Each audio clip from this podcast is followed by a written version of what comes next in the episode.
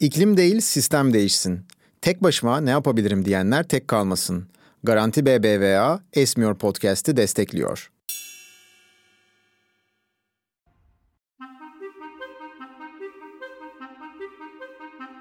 Esmiyor Podcast'in bugünkü bölümünde konuğumuz Caner Dönmez ve kendisiyle çok farklı konularda konuşacağız. Biz zaten sohbetimiz, muhabbetimiz vardı ama bu yaz yapmış olduğumuz orman yangınları hakkındaki belgesel çalışmasında kendisi bizi kırmadı sağ olsun İstanbul'dan kalktı geldi. Marmaris'te birlikte 2021 yılında yanan alanları gezdik. 2022'de yanan alanları gezdik ve birçok sohbet etme fırsatımız oldu ve aslında ben de 36 yaşındayım ve biraz şeyin utancını yaşadım hocam. Orman hakkında, doğa hakkında, çevre hakkında bu kadar konuşuyoruz, ediyoruz. izlemişiz, öğrenmişiz ama birçok şeyi çok fazla içselleştirmemişim. İçselleştirmemişim derken o konular bana öğretilmiş bir bilgi gibi. Ben onları yaşayarak çok fazla öğrenmedim. Kahve içmeyi, kahvenin sıcaklığını dokunduğum zaman içselleştirmiş bir noktadayım. Kimse bana kahve şu şekildedir. Değil mi? Önümde kahve durduğu için bu arada öyle. Evet. evet. ama ormanda böyle değil. Ben çok fazla bu konuya kafa patlatıp çok ilgili bir insan olmama rağmen ormana gittiğim zaman hala kendi kendimi bir misafirlikte gibi hissediyorum. Bu normal mi? Böyle mi hissetmem gerekir? Siz konuştuğunuz insanlarda bunu gözlemliyor musunuz? Çünkü öğrencileriniz de var. Yani 18, 19, 20 yaşında ben orman konusunda hayatımı devam ettireceğim diyen insanlar da var. Onlar size geldiği zamanki ilgili bir şekilde geliyorlardır diye düşünüyorum. Onlarda da bu yabancılaşma var mı? Var ve normal. Yani senin hissettiğin ormana ayak bastığında kendini bir misafir gibi hissetme, aslında ait olmadığın bir yerdeymişsin gibi hissetme duygusu. Benim deneyimlerime göre çocuklar hariç herkeste var. Bir tek çocuklar biliyorsun ya da dinleyiciler de biliyor olabilir. Yani ben çocuklarla ormanda epey etkinlik yapıyorum. Onlar daha uyumlular. Çünkü orada şöyle bir durum var. Aslında insan doğası gereği doğal ortamlarda kendini daha iyi hissediyor. Ormanda hmm. doğal bir ortam. Fakat yaşlandıkça ormanla teması kopuk bir şekilde yaşlanıp yapay ortamlara alıştıkça ormana adım attığında kendisini aslında doğal olması gereken bir ortamda yapay bir unsur gibi hissetmeye başlıyor. Yani senin hmm. hissettiğini hissediyor. Küçük yaş grupları bu konuda daha iyiler. Bunu ben gözlemliyorum. Aslında çok doğru bir tespit senin yaptığın. Ama bu çok çabuk aşılan bir şey. Ormanla temasımız böyle çok uzun saatler geçirmeye gerek yok. Düzenli olarak birkaç hafta peş peşe hafta sonu ormana adım atıp biraz böyle böyle derinliklerine girip yani ormana atıp, atıp deyince de hani biraz önce seninle sohbet ediyorduk. Or, arabayı park edip müziği açmak bundan bahsetmiyorum. Bu ormana adım atmak değil. Ormanın derinliklerine yürümek var. Mesela İstanbul'da bu şansımız çok var. Konuşmadan ormanın sesini dinlemek, rüzgarı dinlemek, bir ağacın dibine oturup sırtını yaslayıp gözünü kapatıp ormanın ruhunu hissetmeye çalışmak. Bunları biraz yaptığımız zaman hemen o kendimizi yabancı hissetme duygusunu çok rahat atıyoruz. Dolayısıyla senin hissettiğin anormal bir durum değil ama biliyorum sen bunu çok aştın aslında çok da. Evet yani aşmak için ama ben çok çaba gösterdim. Söylediğiniz konuda çok önemli gelişmeler var. Söylediğiniz konu derken insanların doğal ortamlarda, ormanlarda aslında kendini iyi hissetmesi ve bunun bu aslında böyle bir yani yeni çağ işte new age şey değil. Bu bilimsel olarak kanıtlanmış bir duruma geldi ve bazı psikolog e, psikolojik e, kliniklerde özellikle işte Kanada'da mesela bu var. İnsanları doğada geçirecekleri vakitleri ilaç gibi aslında bir ilaç hatta semptomu değil e, ruhunu iyileştiren bir ilaç olarak insanlara yazılmaya başlandı. Siz de belki bunları gözlemliyorsunuzdur. İnsanların hani çocuklardan bahsettiniz oraya zaten geleceğiz ama yetişkinler mesela doğaya gittiği zaman nasıl bir gözlem yapıyorsunuz ve en önemlisi çok önemli bir konudan bahsettiniz. İstanbul'da bu konuda bizim şansımız var diye. İstanbul'da insanlar bunu dinleyen insanlar nereye gidebilir? Hafta sonlarında nasıl değerlendirebilir? Yani aslında çok kolay bir biçimde Hacı Osman'a gidiyorsunuz metro ile otobüs var. Otobüste Belgrad Ormanı'nın kapısına gidebiliyorsunuz. Ama birazcık sizin tecrübe ettiğiniz çevreden de biraz örnek verebilir misiniz? En azından dinleyenler ha ben buraya yakın oturuyorum şuraya gidebilirim desin. Çünkü en çok şey bize biz İstanbul'da oturuyoruz ormana nasıl gideceğiz? Ya İstanbul'un kuzeyi ormanlar aslında. İstanbul'un yüzde 45'i orman. Wow. Yani yüzey alanının, yüzey toplam e, alanının yüz ölçümü olarak yüzde 45'i halen orman. E, yani İstanbul ormanca zengin bir şehir ama tabii ormanlar, bu orman alanları üzerinde tehditler var. Bir takım olumsuz gelişmeler de var. Bunu bir kenara koyalım ama halen yüzde 45'i orman ve erişilebilir ormanlar bunlar. Ama önce şeyden bahsedeyim. Hani Kanada'da doktorlar, psikologlar, psikiyatrlar ilaç hani reçete olarak yazıyorlar reçete falan diye. Japonlar bunu çok daha önceden keşfeden bir toplum. Shinrin Yoku orman banyosu biliyorsunuz Japonların geliştirdiği bir teknik belki aslında geliştirdiği değil biraz böyle ormana giden herkesin hissettiği bir duygudur bu. Yani bu aslında sadece orman olması da e, gerekli değil. Yani bir sulak alanın bir göl kenarı olur. Yani doğal ortamların hemen tamamı. Ormanın tabii ekstra bazı avantajları var. Ağaçların heybeti, o heybet içerisinde kendini küçülmüş hissetme ama o küçülmenin içerisinde büyüme, o bütünün parçası olduğun için büyüme duygusu. Ona psikologlar, psikiyatrlar daha iyi açıklayabilir tabii ama ormana girip çıkan herkesin kendini iyileşmiş hissettiği, dertlerinden uzaklaşmış hissettiği, arınmış hissettiği bir realite. E, Japonlar da uzun yıllardır orman banyosu adıyla ya Shinrin Yoku onların dillerindeki tabiriyle bunu çok profesyonel anlamda gerçekleştiriyorlar. Bu orman banyosu geleneği batı toplumlarına da sıçradı. Hatta ben size bir şey söyleyeyim. İzmir'de terapi ormanı diye bir orman var. Ve bu orman İzmir Orman Bölge Müdürlüğü tarafından yani devlet tarafından ayrılmış bir orman. Zaten Türkiye'de ormanların hemen tamamı devlet ormanı. İzmir Orman Bölge Müdürlüğü bu hafta sonunda İzmir'e gideceğim ama semt veremiyorum ama Karşıyaka'nın karşı tarafı öbür taraftaki. Hmm, kuzeye e, doğru mu? Evet kuzey tarafındaki bir bölgede Konak'tan Urla'ya doğru giderken hmm. o bölgedeki ormanların bir kısmını terapi ormanı adıyla ayırdı. Yani aslında orada da e, İzmirliler biliyorlardır. Araçla girilemiyor ormana, yürüyerek giriliyor ve aslında yapılan etkinlik orman banyosu ya da orman terapisi veya işte adına başka bir şey de diyebilirsiniz. Yani insanı ruhunu ve bedenini dinlendiren bir aktivite. İstanbul'a gelirsek İstanbul'un yüzde 45'i orman, Toplu taşımayla sen söyledin mesela Hacı Osman'a kadar metro ile gidip Belgrad Ormanı'nın e, ana kapısına kadar da 42 HM ile otobüs numarasını da vereyim. Kapısına kadar gidilebilir. Zaten ben ormana araçla girmeyi de tavsiye etmiyorum yani. Ondan sonra da yürüyerek pek çok işte Bentler Tabiat Parkı, Neşet Suyu Tabiat Parkı gibi ayrılmış alanlar var. Buralarda yürüyüşler yapılabilir, dinlenebilir. Tabii ki bir şeyler yenilip içilebilir. O da yapılacaktır. Dolayısıyla ormanın bütün güzelliklerinden faydalanılabilir. Ee, Anadolu yakasına geçtiğimiz zaman yine Riva tarafı, Beykoz tarafı, Şile tarafı bütünüyle orman alanları. Yani e, biraz daha mesela batıya doğru gittiğimizde Çatalca, Silivri tarafı hiç ayırmaya gerek yok. Yani İstanbul'u doğu batı doğrultusunda bir şerit çekersek kuzey tarafı tamamıyla orman. Elimizi attığımızda ormanın içerisindeyiz. Burada hassasiyet gösterilmesi gereken şey şu. Tabii ki çok yoğun bir şekilde ormana e, girdiğimiz zaman orman da bundan olumsuz etkileniyor. Dolayısıyla mümkün olduğu kadar araçla girmemek, mümkün olduğunca ormanda az iz bırakmak. Yani işte e, mangal yakmak, müzik açmak ya da işte topluca halay çekmek falan gibi. Bu yapılıyor çünkü yani böyle bunları görüyoruz. Düğün falan da yapılıyor. O gürültünün ormana verdiği bir zarar var. Ormanda yaban hayatı var. Kuşlar ürküyor, yaban hayvanları bundan ürküyor. Işıklı mesela geceliğin çok ışık yakmamak gibi şeylere dikkat ederek yani ormana ben geldim demeden Hı-hı. Ormana gitmek. Orman bizim geldiğimizi hissetmesin ama Hı-hı. biz ormanı hissedelim. Esas mesele bu. Ormanlar konusunda bazı tehditler altında demiştik. Bu tabii İstanbul ölçeğinde, Türkiye ölçeğinde ve maalesef dünya ölçeğinde ki biz aslında bu konularda en böyle biraz öz eleştiriyi de çok sıklıkla yapıyoruz. Ama dünyadaki yağmur ormanlarının işte Amazon'a baktığın zaman veya işte Kongo'da madencilik vesaire gibi konularda inanılmaz muazzam bir tehdit var. Maalesef. Ve sorun şu Belgrad Ormanı ne kadar benim ormanımsa Amazon da benim ormanım. Ve Brezilya'da yaşayan bir insan için Amazon ne kadar onun ormanıysa Belgrad Ormanı'nda onun ormanı. Çünkü Kesinlikle bizim öyle. o haritaya çizdiğimiz saçma sapan sınırı dünya ölçeğinde hiçbir anlamı yok. Dünyadaki ormanlara bakarsak birazcık da öze, e, genelden gidelim. Sizin şu anda gözlemlediğiniz trendlerde işte bir kopa gidiyoruz biliyorsunuz orada ormansızlaşma hakkında sözleşmeler yapılıyor. Durum daha mı kötüye gidiyor yoksa bazı şeylerin kötüye gittiğini öğrendik ve müdahale etmeye başladık mı? Ben ikincisi olduğuna inanmak istiyorum. İkincisi. Değil mi?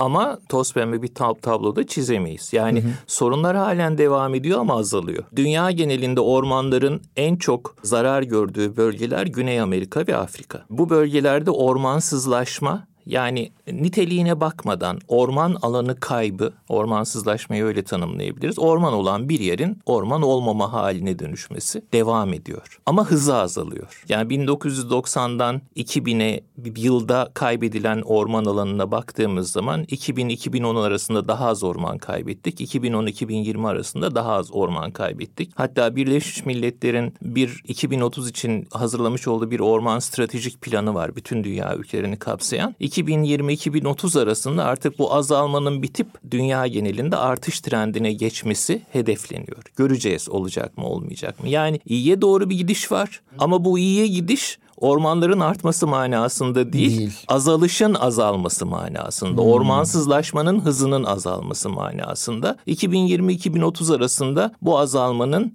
artışa geçmesini umuyoruz. Ya daha doğrusu Birleşmiş Milletler e, FAO yani Gıda ve Tarım Teşkilatı bunu umuyor. Bakacağız. E tabii bunu bölgesel bazda baktığımızda aslında Avrupa'da orman alanı artışı var. Asya'nın büyük bölümünde orman tabii tabii Avrupa o konuyu aştı artık. Yani zamanında çok ormanları tahrip etti ama Avrupa genelinde orman alanı artışı var. Toplamda baktığımızda Türkiye'de böyle orman alanı artışı var. Niteliklerine ve derinlemesine analizler yaptığımızda farklı sonuçlar ortaya çıkabilir. Çıkıyor çıkıyor da bunları yazıyoruz da zaten. Toplamda envanter olarak baktığımızda bir artı ama İstanbul'da azalıyor mesela öbür Anladım. taraf. Yani şimdi dünyayı nasıl bölgelere ayırıp ayrı ayrı sonuçlara ulaşabiliyorsak Avrupa'da orman alanı artıyor ama Güney Amerika'da ve Afrika'da azalıyor. Asya'da artıyor ama mesela Hindistan'da ya da şey Güneydoğu Asya'da artmıyor. Hmm. Ama Asya'nın tamamında artıyor. Türkiye'de toplamda artıyor ama İstanbul'da İzmir'de artmıyor. Kastamonu'da artıyor. Yani nüfusun azaldığı bölgelerde artıyor. Eskiden orman olan ama tarım alanına dönüştürülmüş, otluğa dönüştürülmüş alanlar insan baskısı ortadan kalkınca kendiliğinden ormanlaşmaya başlıyor ve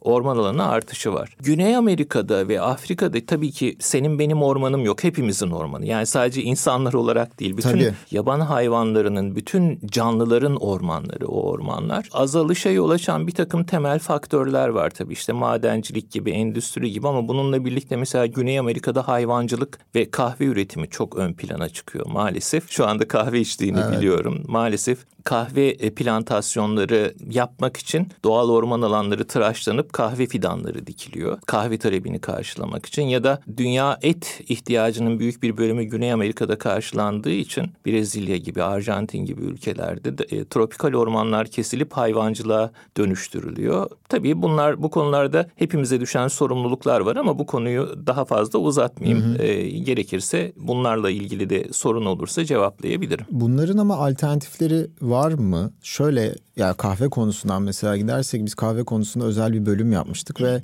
maalesef çok araştırıp çok okumamız gerekmişti. Yani sırf orman vasfını kaybeden arazilere ek olarak iklim değişikliğiyle birlikte o küresel çünkü belli bir sıcaklıkta yetişebilen bir ürün. İşte artık dağların belli yamaçların belli mesafelerinden hani dağlarda da yukarı çıktıkça alan azalıyor ya. Yani o tarz sıkıntılardan bahsediyoruz ama mesela shade grown shade grown, shade grown e, kahve öneriliyor. Yani gölgede yetişen. Bu aslında şu. Ya kahve ağacı tropikal ormanda da kendiliğinden evet. var. Mesela fındığın bizim Karadeniz ormanlarında olması gibi evet. ama biz fındık üretmek için ne yapıyoruz? Ormanı tamamen kesip bütünü tamamıyla fındık bahçesi haline getiriyoruz. Hı hı. Shade grown ormanın tamamen kesilip kahve plantasyonu haline getirilmesi yerine ormanın doğal yapısı içerisinde kahve ağaçlarının da olması ve onlarda yetişen kahvenin toplanması, gölgede yetişen yani diğer ağaçların arasında. Tabii shade grown kahve, tiryaki kahve tiryakileri tarafından lezzeti farklı olabilir, kokusu farklı olabilir, dokusu farklı olabilir kişiye göre değişebilir. Ama sorun şu az miktarda üretiliyor. Evet. Yani bir tıraşlama kesilmiş bir alandaki kadar çok üretilemiyor. Dolayısıyla temel çözüm burada kahveden vazgeçmek değil ama tüketimimizi makul seviyelere hmm. indirmek. Kişi başına tüketimi, ülke tüketimini. Ette de öyle mesela. Yani şimdi mesela e, veganlık çok e, ya da vejetaryenlik çok yaygın. Ben de mesela vejetaryenim, vegan değilim. Ama ben asla hiç kimseye kesinlikle kahve içmeyin ve et yemeyin demiyorum. Tam tersi tersine şunu söylüyorum. Tam tersine değil. Mümkün olduğunca evet canınız et çekebilir, et yemek isteyebilirsiniz. Canınız kahve çekebilir. Ama bunun dünyaya bir maliyetinin olduğunu bilin. Gezegenimize bir maliyetinin olduğunu bilin ve böyle hani keyfe keder değil de daha böyle kontrollü bir şekilde tüketimi inanın dünyanın geleceği için bir katkı yapacaktır diye. E, sınırlı bir gezegendeyiz. Hani ekonomi sınırsız ihtiyaçların sınırlı kaynaklarla karşılanma bilimidir filan hmm. diye bir tanım yapılıyor ya. E, kaynaklar sınırlı. Dolayısıyla ihtiyaçlarımız sınırsız olamaz. Bu arada şunu da söylemek istiyorum. Bu hafta yapmış olduğumuz kısa bir sohbeti. Çünkü biraz önce ormanların kaybından bahsettik ve sizin bu hafta bana söylediğiniz bir şey bana çok Evet, hatta daha sonrasında Utku ve Naz'la da onu paylaştım. Yangınlarla, yanan alanlarla ilgili bahsederken ben kaybolmuş orman... Kaybettiğimiz. Ha, kaybettiğimiz alanlar demiştim. Siz de onlar kaybolmadı ki demiştiniz. Evet. E, Niteliği bozuldu. Ama tekrar orman olacak. Olacak. Ama bizim bahsettiğimiz bu Amazon'da olan daha doğrusu tropik yani tropikal bölge zaten dünya haritasına bakarsanız böyle hani o renkli haritalara şeyi çok rahat görebiliyorsunuz. Yani ekvator çizgisinin üstünde yeşil bir bant var. Yani Borneo, Kongo, işte Brezilya'da böyle bir yeşil evet. bir bant var. Kuzeyinde ve güneyinde de bir çöl arazisi var o rüzgar ve hava sistemleriyle alakalı olarak. O yağmur ormanları yani hani orman dediğimiz yerlerde jungle jungle evet. e, orada hani içine girdiğiniz zaman böyle bizim Belgrad'da gibi yürüyemiyoruzdur diye düşünüyorum bir örümcek bir şeyler hani bayağı ormanlık arazi oralar böyle yanarak bizim gördüğümüz gibi yanarak değil gerçekten kesilerek tıraşlama kesilerek dümdüz tarım arazisi haline getiriyor ve kayıp bu aslında. Kayıp, kayıp o. Yanan orman alanı yangın çok büyük bir afet. E, orman yangını ormanlara çok büyük zararlar veriyor ama toplumda bilinenin aksine o orman alanlarını kaybetmiş olmuyoruz. Ormanların niteliği bozulmuş oluyor. Orman e, yasal olarak da fiili olarak da orman alanı olarak kalmaya devam ediyor. Marmaris'te Bördübet'te beraber gözlemledik. Hatta Haziran'da çıkan yangından sonra biz ne zaman? Evet, Ağustos'un sonu Eylül'ün ilk Eylül'ün ilk haftası filan gitmiştik. Bazı işte çalı tipindeki bitkilerin köklerinden yeni yeşil sürgünler çıkmaya başlamıştı bile. Orman kendi kendine de insan katkısıyla da kendini bir, bir süre sonra yenileyebiliyor. Bu şu anlama gelmiyor. Yansın canım yangın hiç Tabii önemli ki. bir sorun değil diyemiyoruz. Çünkü bu yangınların sıklığı ve miktarı ne kadar artarsa orman kendi kendini yenileyemeyecek hale gelecek. İşte kızılçam yanınca kızılça büyük ağaçlardan serpilen tohumların yeniden kızılçam ağaçları çıkaracağını söylüyoruz. Teoride, bilimde, pratikte böyle. Ama kızılçam ağaçları yaklaşık 30 yaşında tohum verme olgunluğuna of. ulaşıyor. Yani bu sene yanan yerden yanmadan önceki ağaçların kozalaklarından serpilen tohumlar yeni kızılçamlar yetiştirir ama 30 sene boyunca boyunca bir kez daha yangın çıkarsa tohum verecek ağaç kalmadı demektir. Dolayısıyla yangın gerçekten büyük bir o zaman ağaçlandırma yapmak zorunluluğu ortaya çıkar. Ama temelde şu mesele şu yanan alanlar Türkiye için söylüyorum. Dünya için dünyada değişik değişik durumlar söz konusu olabilir. Sanılanın aksine yanan alanlar turizm alanına dönüştürülmüyor. imar alanına dönüştürülmüyor. Orman olarak yani hukuki olarak da fiili olarak da orman alanı olarak kalıyor. Ağaçlandırılıyor genellikle. Yeniden ormana dönüştürülüyor. Yani yani ormanları kaybetmiyoruz ama ormanların niteliğinde bir zarar meydana geliyor. Marmaris'te en şaşırdığım şey şuydu. İşte çilek dikelim vesaire fındık dikelim falan diyorlar ya. Badem, ceviz filan daha ceviz. çok zeytin, evet. badem, ceviz, zeytin öneriliyor orada. Bayağı yanan arazi orasının daha önce orman olduğunu bize söylemeseniz, orası yandı ve bu ağaçlar alındı demeseniz ben orada orman olacağına inanmam. Çünkü kayalık yani o yemyeşil bizim mesela drone görüntülerimiz var. O ağaçları oradan çıkartsak alt taraf böyle Belgrad Ormanı gibi toprak değil kayalık yani baya sarp kayalıklardan orman çıkmış ve ben çok çok şaşırmıştım buna ve bunu çok anlatmak istedik. Yani sormak da istedim. Bu badem dikelim, fındık dikelim en baştaki soruya gel- gelirsem yabancılaşma konusuna oraları o gözle bakan ormanda biraz vakit geçirmiş bir insanın zaten önermeyeceği öneren insana da ya sen deli misin gözüyle bakılacağı bir şey. Yani oraya kuş geçmez yani kuş geçer tabii de hani insan geçmeyen bir yer. Sen nasıl meyve ağacı yetiştireceksin? Bir ikincisi ormanlara sadece ekonomik fayda gözüyle bakmanın ve o sömürmenin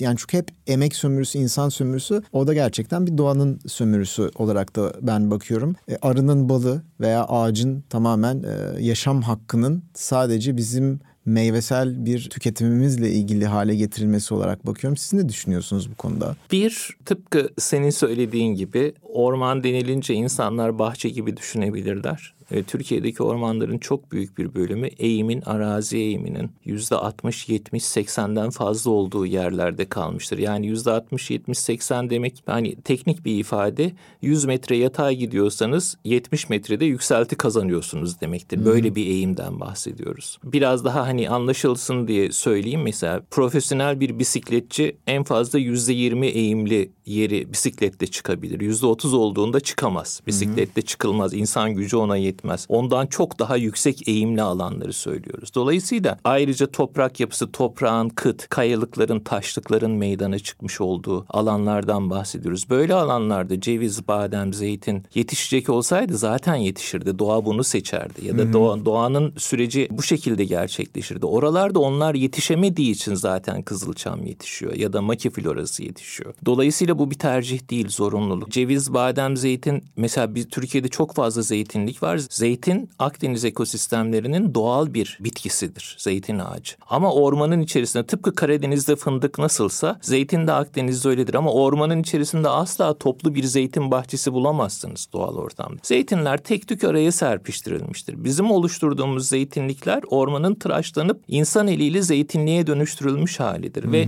mesela bunu önerenler Akdeniz'deki küçük bir zeytinliğe 10 sene bakım yapmasınlar ne olacak bakalım ya. Yani 10 sene sonra o zeytinlikler azal zeytinler azalmaya ve oraya doğal bitki örtüleri gelmeye başlayacaktır. Dolayısıyla bu bir, bir açıdan mümkün değil. Yapamazsınız. Ormanda zeytinlik yapamazsınız. Sulama olması lazım. Toprağı çapalamanız lazım. Gübreleme yapmanız lazım. Böcek mücadelesi, mantar mücadelesi yapmanız lazım vesaire. Öbür taraftan e, sizin de söylediğiniz gibi yani ormana sadece çok gelir getiren bir kaynak gözüyle bakamayız ki o ormanda milyonlarca canlının hakkı var. Böceği var, kuşu var, arısı var, memeli hayvanları var. Küçüğünden büyüğüne, porsuktan ayıya kadar, kurda kadar, çakala kadar. Yani bu ekosistemler onları da besleyecek şekilde e, düzenlenmiş durumda. Biz bütün ormanları, kızılçamları kesip, maki florasını kesip zeytinliğe, cevizliğe dönüştürdüğümüzde o hayvanlar ne olacak? Onlar nerede yaşayacaklar? Mümkün mü zeytinlikte ayının, kurdun, çakalın yaşaması? Dolayısıyla e, ormana bir e, meta ya da ekonomik bir araç gözüyle bakmaktan çok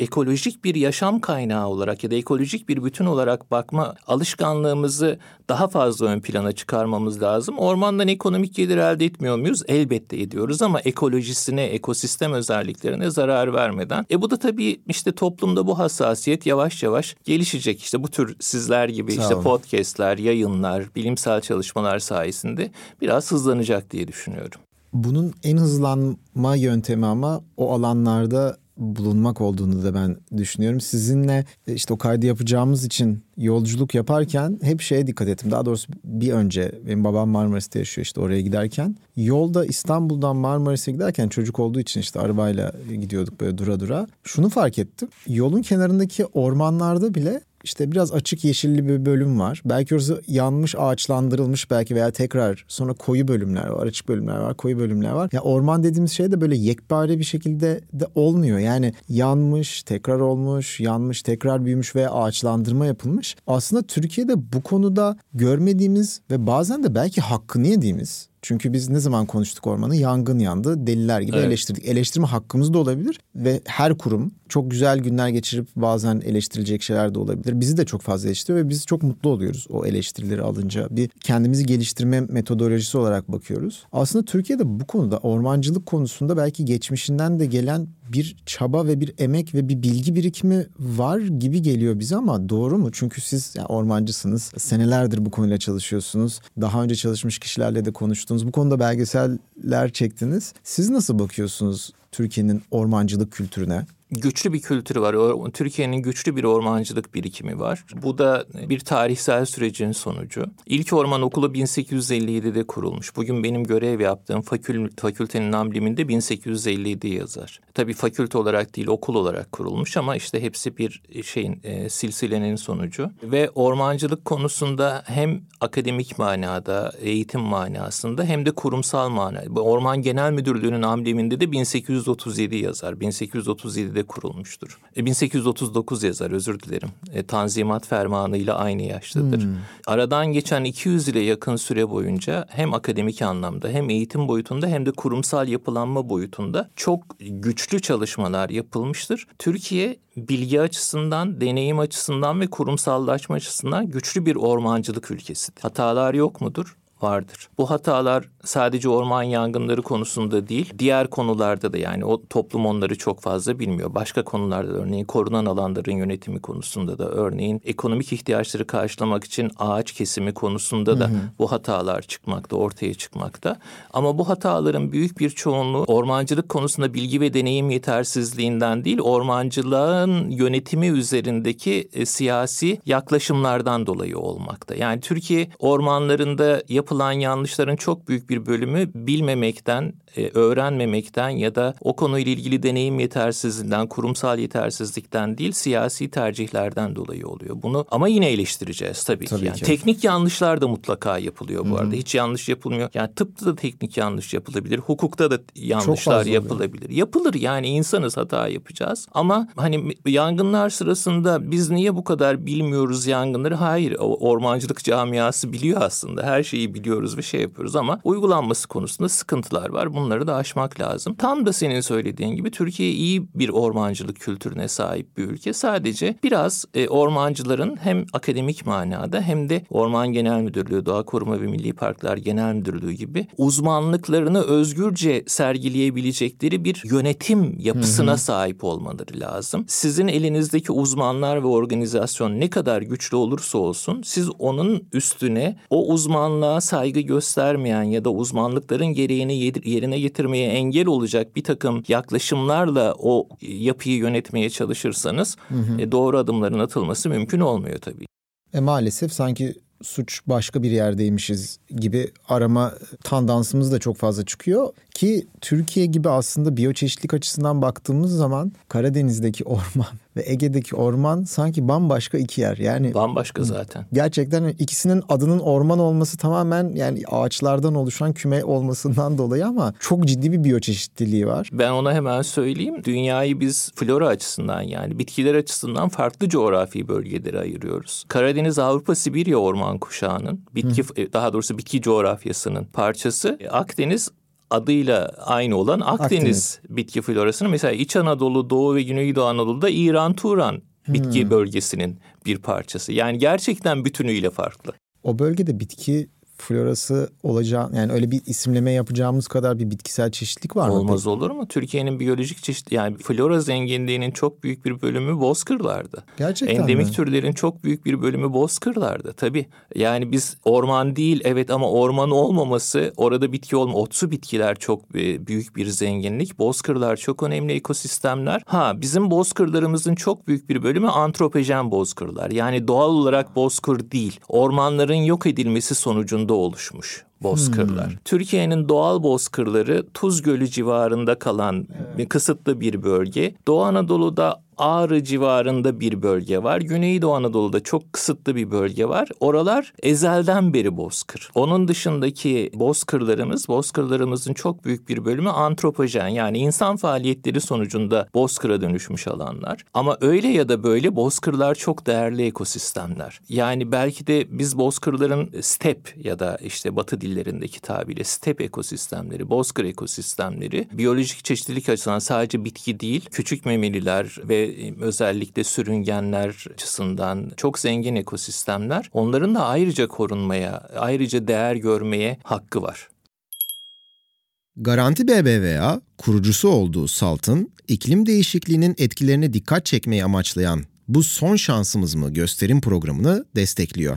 7 farklı ülkeden belgesel filmleri bir araya getiren 2024 seçkisi 29 Şubat ila 24 Mart tarihlerinde Salt Beyoğlu'ndaki açık sinemada ve saltonline.org'da izleyicileriyle buluşuyor. Gösterimleri kaçırmayın. Detaylı bilgi için saltonline.org'u ziyaret edebilirsiniz siz mi söylemiştiniz hatırlamıyorum ama o bölüm hani şimdi bir ağaçlandırma furyası oluyor ya işte herkes tam ağaç dikelim. Ona da en sonunda geleceğim ama ormanları korurken galiba size konuşmuştuk. Bozkırlarımızı da korumamız gerekiyor demiştiniz. Onu tabii, hatırlıyorum çünkü tabii, tabii, tabii. gidip böyle İç Anadolu'da şimdi bu sefer de orayı ormanlaştırmaya çalışıyor. Yapamıyoruz zaten teknik olarak. İç Anadolu'da orman kuramıyoruz. E, çünkü su ekonomisi yetersiz. Yani ormancılıkta bakım çalışması sulama mesela bir bakımdır. Bahçenize hiç yetişmeyecek ağaçları dikersiniz. O ekosisteme uygun olmuyor. Ama sulayarak, gübreleyerek, toprağını çapalayarak onu bir biçimde yetiştirebilirsiniz. Hı hı. Ormancılıkta geniş alanlarda böyle bir şey mümkün olmadığı için ağaçlandırma bile yapıyor olsak fidanı dikip kaderine bırakırız. İç Anadolu'da yapamıyoruz. Yani su yıllık yağış miktarı çok düşük olduğu için ve toprağın yapısı da suyu çok tutmadığı için kumlu hmm. topraklar olduğu için diksek bile yetişmiyor. Diksek bile yetmiyor ama velev ki yetiştirelim. Her yerde ağaçlandırma yapmak da doğru değil. Yani mesela bir sulak alanı okaliptüsler dikerek kurutup ormana dönüştürmek çok iyi bir şey değil. Sulak alan ayrı bir ekosistem. Birinci sınıf tarım arazilerinde düz ovalarda orman yapmak kalmadı elimizde zaten. Demin dediğim gibi ormanlarımız hep dağlara tepelere taşındı. Yani geri kalan alanlarda kalmadı ama çok doğru değil. Dolayısıyla ağaçlandırma yapmak çok güzel bir şey ama her aklımıza gelen yerde ağaçlandırma yaparak çok özgün ekosistemleri farklı sosyal, kültürel ve ekolojik değeri olan ekosistemleri ormana dönüştürmek de iyi bir şey değil. Yani bunlar çok teknik konular ama dinleyicilerin bu kadar bilmesi yeterli. Aklımıza gelen her yerde ağaçlandırma yapıp orman haline dönüştüremeyiz. Teknik nedenle de dönüştüremeyiz bir. İkincisi bunu beceriyor olsak bile yapmamız doğru olmaz. Hı hı. Yani aslında orada yaşayan canlılar için o ekosistem için tamamen yaşadığı alanı bambaşka bir hale getiriyor işte. Tabii. Yani küçük evler var yani insanlar anlasın diye analoji yapmaya çalışıyorum. Küçük evler var siz bir anda böyle gökdelenler dikiyorsunuz. Bambaşka bir yani ormanı gökdelenden oluşan bir adaya dönüştürmek anlamında söylemiyorum ama yaşam alanını tamamen değiştiriyorsunuz tabii, aslında tabii. orada. E, ve o, o küçük evlerde yaşamaya alışkın topluluklara siz artık burada yaşayamazsınız. Buraya buna alışmış topluluklar gelsin diyorsunuz ki bu bir hak ihlali. Şöyle bir şey okumuştum veya dinlemiştim. Bu da doğru mu diye hemen size sorduğum yüz binlerce sorudan bir tanesi de bu olsun. Aslında ormanlar doğalında tabii yağmur ormanlarından falan bahsediyor diye düşünmüyorum ama acayip sık da değildir. Yani böyle patch gibidir gibi bir şey söylüyordu. İşte bir yerde bir küme orman vardır, sonra biraz daha vardır, sonra biraz daha vardır. Ama biz böyle ağaçlandırma yaptığımız bölgelerde mesela Akdeniz ve Ege coğrafyasında bütün ormanları birbirine bağladık. Ve böylece bir yangın çıktığı zaman arada hiçbir kopukluk olmadan geçebiliyor gibi bir şey okudum hatırlıyorum. İşte patch ormanı falan gibi bir şey yaz, yazıyorlar diye hatırlıyorum. Ama bu bana çok mantıklı gel, gelmemişti açıkçası. Yani hani gerçekten ormanların böyle birbirinden bağımsız işte şurada bir ağaç kümesi var 20 tane orada var orada var orada var gibi. Çünkü şimdi baktığımız zaman mesela biz drone ile çekimler yaptık ya böyle alabildiğince ağaç. Yani böyle hu, hu, gidiyor gidiyor gidiyor gidiyor gidiyor dakikalarca ağaç ağaç ağaç ağaç hiçbir boşluk yok. Doğru mudur yoksa yani her coğrafyasının farklıdır, her ekolojik sistemin farklıdır mı acaba? Şimdi tabii orada bir defa önce şunu söyleyeyim. Yani orman dediğimiz zaman ağaçsız bir yer orman değildir diyemeyiz. Evet ormanın içinde bir boşluk olabilir. Bu boşluk otsu bitkilerden meydana gelen bir boşluk. Boşluk da demeyelim, açıklık diyelim. Yani hmm. ağaç olmayan alan olabilir. Ya da taşlık kayalık bir alanda olabilir ama onun orman orası orman ekosistemidir. Hmm. Mesela bu tür açıklıklar memeliler için çok değerli. Yani otsu bitkiler memel yani o yoğun orm, büyük ağaçların olduğu yerde memelilerin çok fazla otçul memelilerin çok fazla şansı olmaz. Onlar biraz adı üzerinde ot evet. ararlar. Veya taşlık kayalıksa bu sefer sürüngenler için çok değerlidir. O şartlarda yetişen bir takım otsu bitkiler vardır biyolojik çeşitlilik açısından. Onlar için çok önemlidir. Ama genellikle Türkiye için konuşalım. Türkiye'de böyle ormanlar Türkiye'nin orman kuşağı sayılabilecek işte Hatay'dan filan başlayalım işte Akdeniz kıyısı boyunca, Ege kıyısı boyunca, Karadeniz kıyısı boyunca öyle bir parça orman, bir parça boşluk o çok doğru değil. Yükseklerde o biraz olabilir. Yani artık toprağın derinliğinin azaldığı, şunu söyleyeyim mesela alpin zon diye bir şey var. Maksimum Türkiye'de 2200 metreye kadar ağaç yetişebilir. Ondan sonra yetişmez ama 1700 1700-1800 metrelerde 1900 parça parça ağaçlık vardır, açıklık vardır, kayalar ortaya çıkmış. Toprak da çok derin değildir o tür yerlerde çünkü. Daha çok kayalıklar vardır. Zaten 2200'ün üstüne çıkınca da maksimum 3000'e kadar filan otsu bitkiler yetişebilir. Ondan sonra tamamen kayalık haline dönüşür. Dolayısıyla ama Akdeniz kuşağında 1000 metrenin altında, Karadeniz kuşağında 1000 metrenin 1200-1300 metrenin altında ormanlarımız tamamen birbirine hmm. geçmiş şekilde çok fazla açıklık vermeden o bildiğimiz hayalimizdeki orman dokusu gibi ormandır doğalsa eğer. Ama Türkiye'de o açıklıklar şu nedenle de var. Zamanında çok fazla orman tarım alanına dönüştürüldüğü için vatandaş girmiş, kesmiş, tarla yapmış. Mesela İstanbul'dan Bolu'ya doğru giderken Düzce tarafına filan gelince orman ormanın içerisinde evet. böyle fındık bahçeleri ya da boşluklar görürsünüz. O bir doğal hali değil. O insan etkisinin sonucu. Hmm. İnsanlar girip tarla yapmışlar. İşte ne bileyim işte fındık bahçesine dönüştürmüş. O da 2B dediğimiz şey hani e, hmm. e, bilenler Orman bilir. İşte belli bir tarihten önce orman niteliğini yitirmiş alanlar filan diye. E, ama doğalında ormanı kendi haline bıraksak işte belli yükseltinin altındaki bölgelerde Karadeniz ve Ege Akdeniz kuşağında orman yoğun bir biçimde birbirini tamamlayan boşluk bırakmayan bir yapıda olur. Ben Hocam sizden öğrendiğim en e, önemli şeylerden bir tanesi doğrudan sorarak öğrenmedim ama ormana gittiğim zaman aslında her şeyin bir şekilde öğrenebilecek bir nokta olduğunu öğrendim. Mesela senelerce kamp alanlarına gidiyoruz işte ısınmak için kışın ateş yakıyoruz. Kamp alanında bu arada yani hani o şey değil. Ormanın içinde kendi kafama göre değil ama ağaçların iki metreye kadarlık kısmında dal hiç olmuyor. Böyle yüksek ağaçlarda. Ben sanıyorum ki hani birisi gelmiş kesmiş onu o yüzden budama yapılmış. Ha, ha yok yani mesela şöyle kesmiş gibi değil de hani benden önce 10 yıldır orada insanlar kamp yapıyor. Onları alıp kestiler gibi düşünüyorum. Sonrasında fark ettim ki yani o ağaçlar o ışığa gitmek için çünkü sık bir orman yarışıyorlar. Yani yukarı doğru bir yarış var ve gerçekten hepsinde dallar belli bir metrenin üstünde ortaya çıkıyor. Herhalde güneş ışığıyla falan alakası vardır diye düşündüm ama bunu sizle sohbetlerimizden sonra aslında doğaya her gittiğimde bu şekilde anlamlandırma çabalarına mesela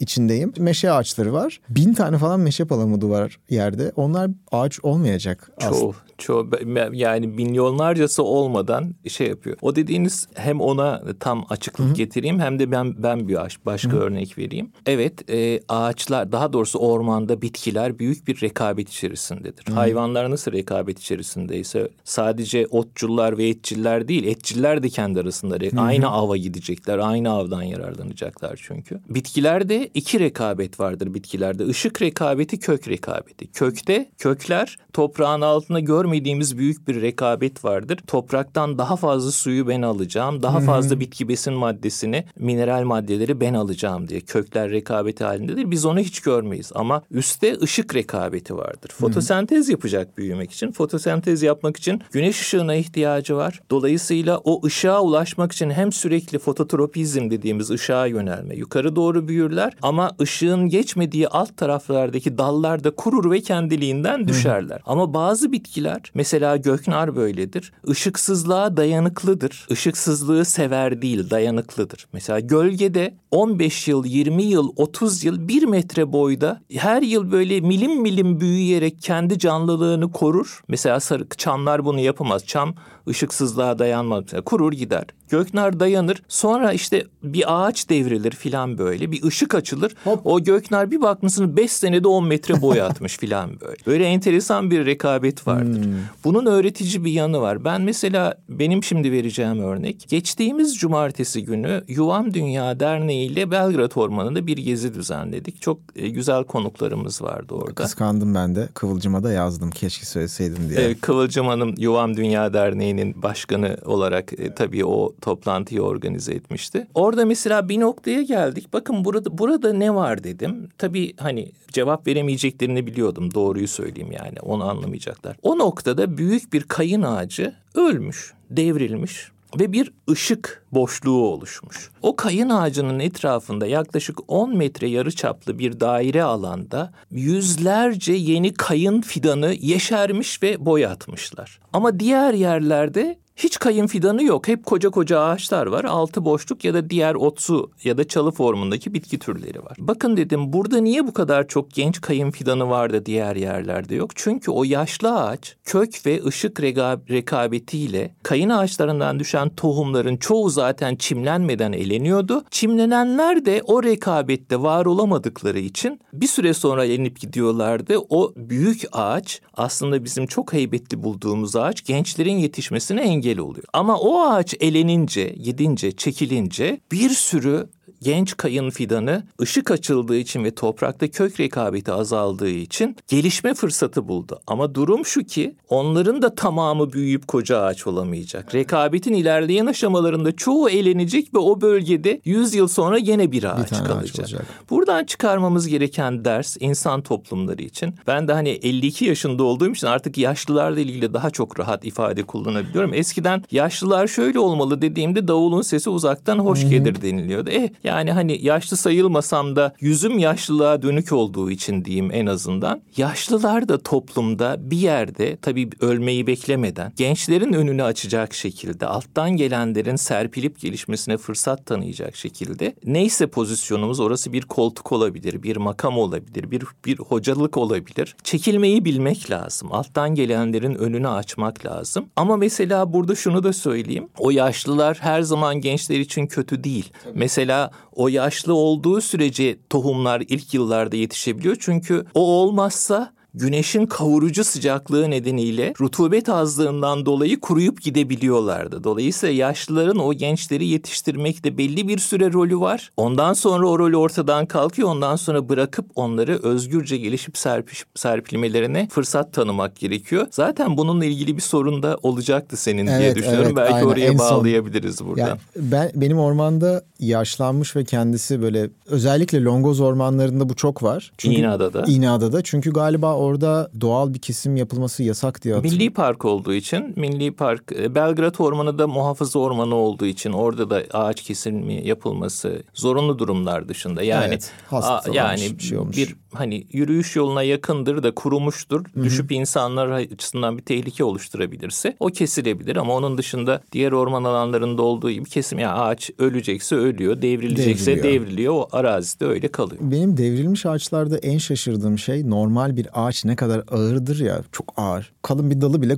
iki kişi falan sırtlanır ama o ağaç çöktükten sonra artık çürüyor işte delikler açılıyor ve bir şekilde süngerimsi bir hale geliyor. Yani koskoca ağacı üç kişi sırtlanabilecek hale geliyor ve o yani aslında o hafiflemedi. Yani onun içerisindeki materyaller belki toprağa karıştı belki mantarlar ve böcekler ve başka bakteriler onu yedi. Yani o ölmüş ağacın orada bir tamamen yani bir atık olarak değil yani o sanki farklı canlılara bir can oluyor ve o hafiflemesini izlemek ve böyle elinize aldığınız zaman böyle bir ayırdığınız zaman içerisinden böcekler falan Dağılması, çıkar. Dağılır. toz haline gelmesi. Ben bu tarz şeylere bakar oldum açıkçası biraz ormana gidince ve bunların hepsi bana şaşırtıcı ve bir öğrenme tecrübesi haline geldi. Yani bu neden toz oluyor? Hangi canlı bunu bu hale getiriyor? Mantarlar. Mantarlarmış mesela. Ben hep Mantar. böcek sanıyordum. Böcekler yuva olarak kullanır. Böcekler yuvalanır, yumurtlayabilir, ağacı yiyebilir de öz odununu yiyebilir, kabuğunu yiyebilir. Ama bütün organik maddeleri insanlar da dahil biz de ölüp kalsak ormanda hani toprağa gömülüyoruz ya hı hı. kemikler hani galiba üç yılda filan yumuşak dokudan hiçbir şey Gidiyor. kalmıyor. Evet. Onu yapan mantarlar. Ağaçlar içinde mantarlar. Bütün organik maddeler için mantarlar. Hatta ben şey diyorum yani mantarlar olmasa dünya büyük bir organik çöplüğe dönerdi. Biz mantarları hani mutfak kültüründeki yeni yenir mi yenmez mi diye şey yapıyoruz ama mantarların ekosistemde çok önemli bir rolü var. Mutfakta açıkta bıraktığımız ekmeğin küflenmesinin nedeni de o.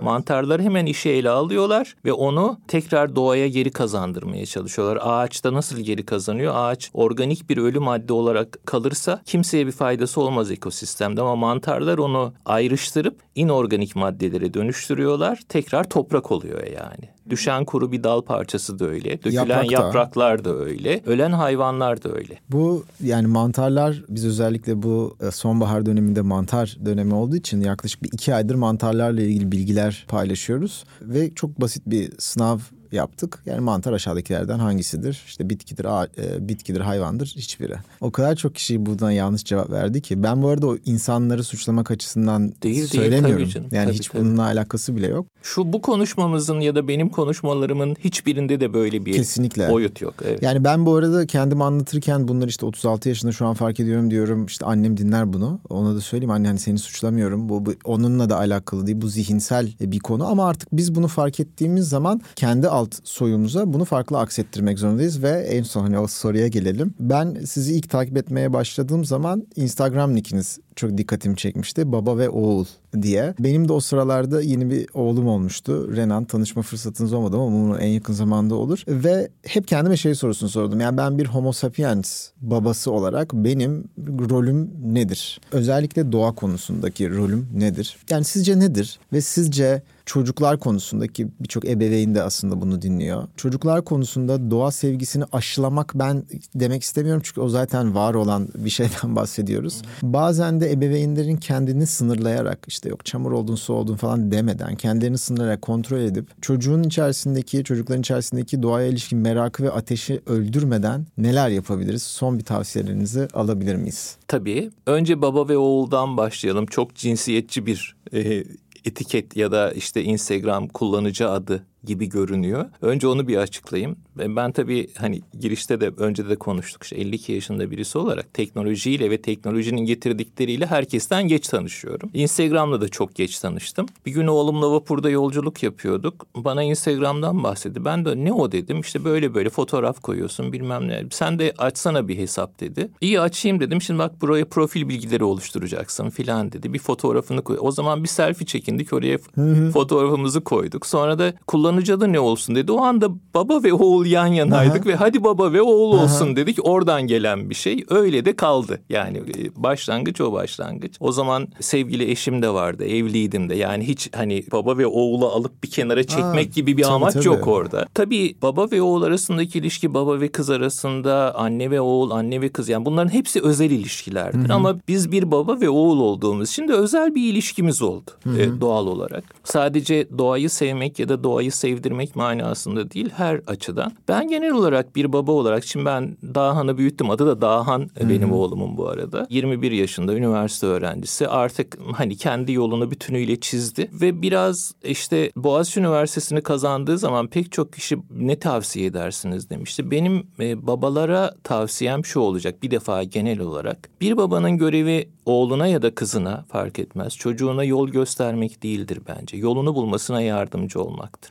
Önüne geçip yol göstermek değil, arkasında kalıp yolunu bulmasına yardımcı olmak, tökezlediği zamanlarda destek olmaktır diye düşünüyorum. Ben elimden geldiği kadar bunu yaptım. Doğa konusunda da aslında aynı şey var. Ben çocukları yetiştirirken doğal olarak çoğunlukla çocuklarımız orman ya da benzeri doğal ortamlardan uzakta yetiştikleri için işte kitaplarla, belgesellerle, podcastlerle onların desteklenmesi gerektiğini mutlaka düşünüyorum. Ama yıllardır çocuklarla doğa gezileri yapan birisi olduğum için de şunu rahatlıkla fark ediyorum ki bir çocuğa doğayı sevdirmek istiyorsanız doğaya götüreceksiniz. Doğaya götüreceksiniz ve rahat bırakacaksınız. Bırakacaksınız. O toprağı karıştıracak, yaprakları avuçlayacak, çiçekleri hatta Hatta bazen çiçekleri koparacak. Hı-hı. Yani koparmazsan daha iyi olur diyeceksiniz ama koparmasına da engel olmayacaksınız filan. O deneyimleme doğayı denim, deneyimleme hani en başta demiştik ya çocuklar doğaya çok daha hani kendilerini yabancı hissetmiyorlar. Tam tersine kendilerini çok daha ait oldukları bir yerde gibi hissediyorlar. Bu benim kişisel gözlemim. Yani bilimsel çalışmalar ne der bunu bilmiyorum açıkçası. Ama zaten orman okulları ya da doğada eğitim gibi işte eğitimin doğada başlaması gibi akımlar, düşünce akımları ve uygulama akımları da bunun sonucunda çocuklar en iyi doğada eğitilirler. Hı hı. Sadece doğa eğitimi değil, matematik de doğada çok kolay öğretiliyor. Çok. Dil de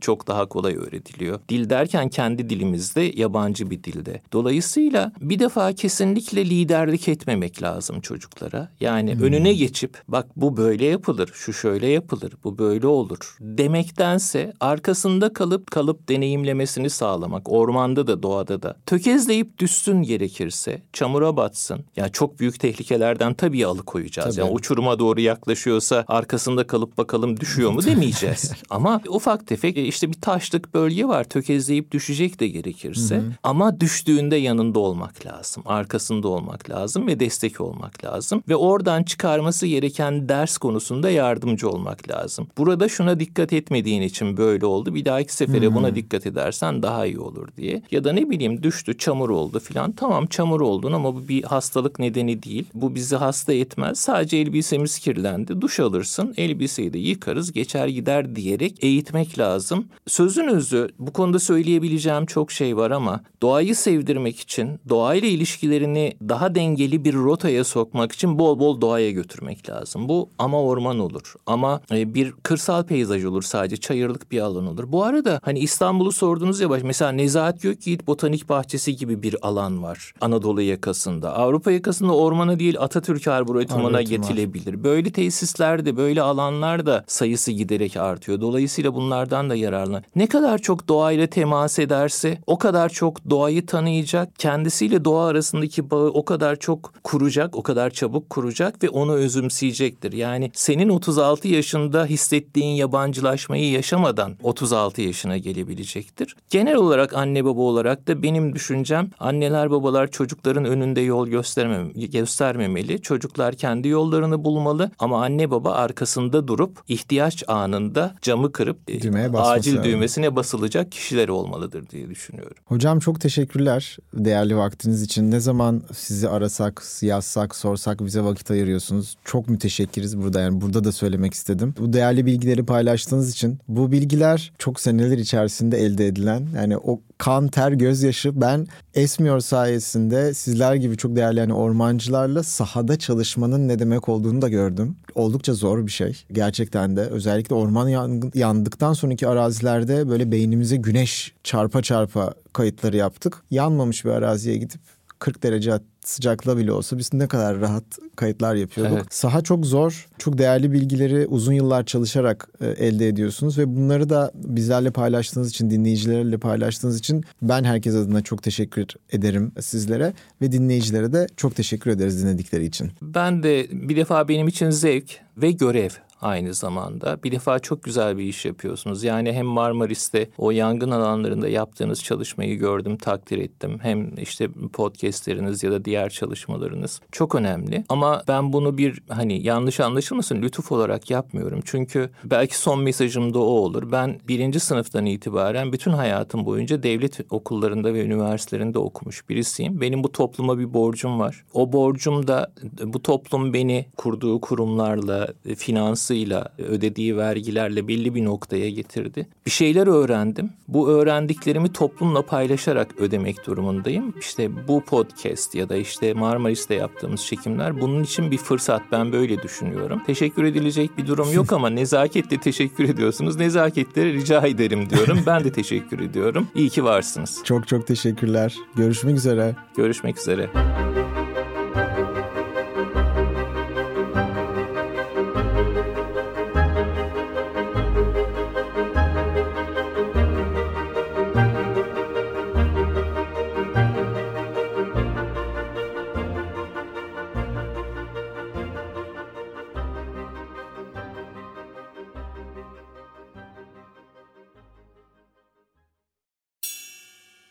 İklim değil sistem değişsin. Tek başıma ne yapabilirim diyenler tek kalmasın. Garanti BBVA Esmiyor Podcast'i destekliyor.